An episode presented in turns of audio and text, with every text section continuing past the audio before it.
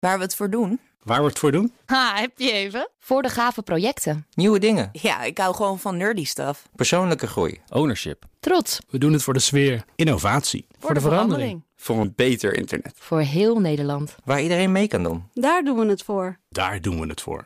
Waar doe jij het voor? Kom werken voor KPN en groei op jouw manier. Check de actuele vacatures op het gebied van data, security, development en networking op jobs.kpn.com/tech.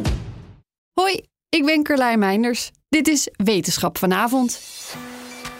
Wij mensen kunnen tegenwoordig amper onze weg vinden als we het zonder GPS zouden moeten doen. Maar een heleboel andere dieren hebben daar geen enkele moeite mee.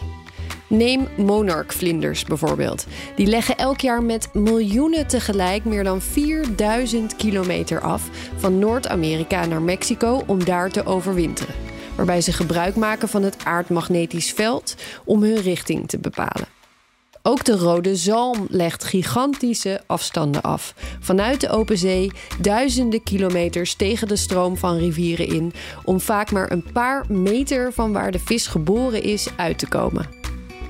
Waar onderzoekers verbaasd over waren, is dat veel dieren die magnetische signalen gebruiken om te navigeren, zelfs als die signalen verstoord zijn, nog hun weg lijken te vinden. Hoe doen ze dat? Vertrouwen ze op andere zintuigen, zoals zicht en reuk?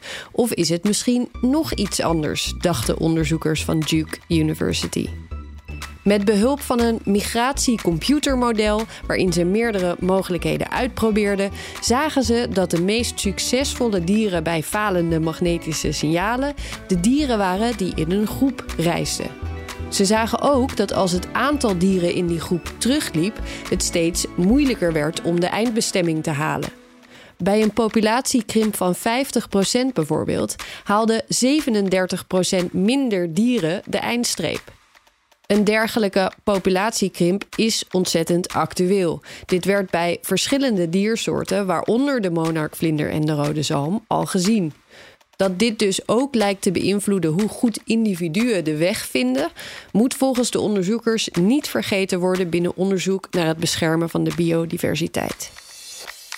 Is één minuutje wetenschap niet genoeg en wil je elke dag een wetenschapsnieuwtje?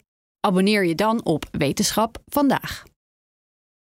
Ook Bas van Werven vind je in de BNR-app. Ja, je kunt live naar mij en Iwan luisteren tijdens de ochtendspits. Je krijgt een melding van Breaking News. En niet alleen onze podcast Ochtendnieuws, maar alle BNR-podcasts vind je in de app. Download nu de gratis BNR-app en blijf scherp.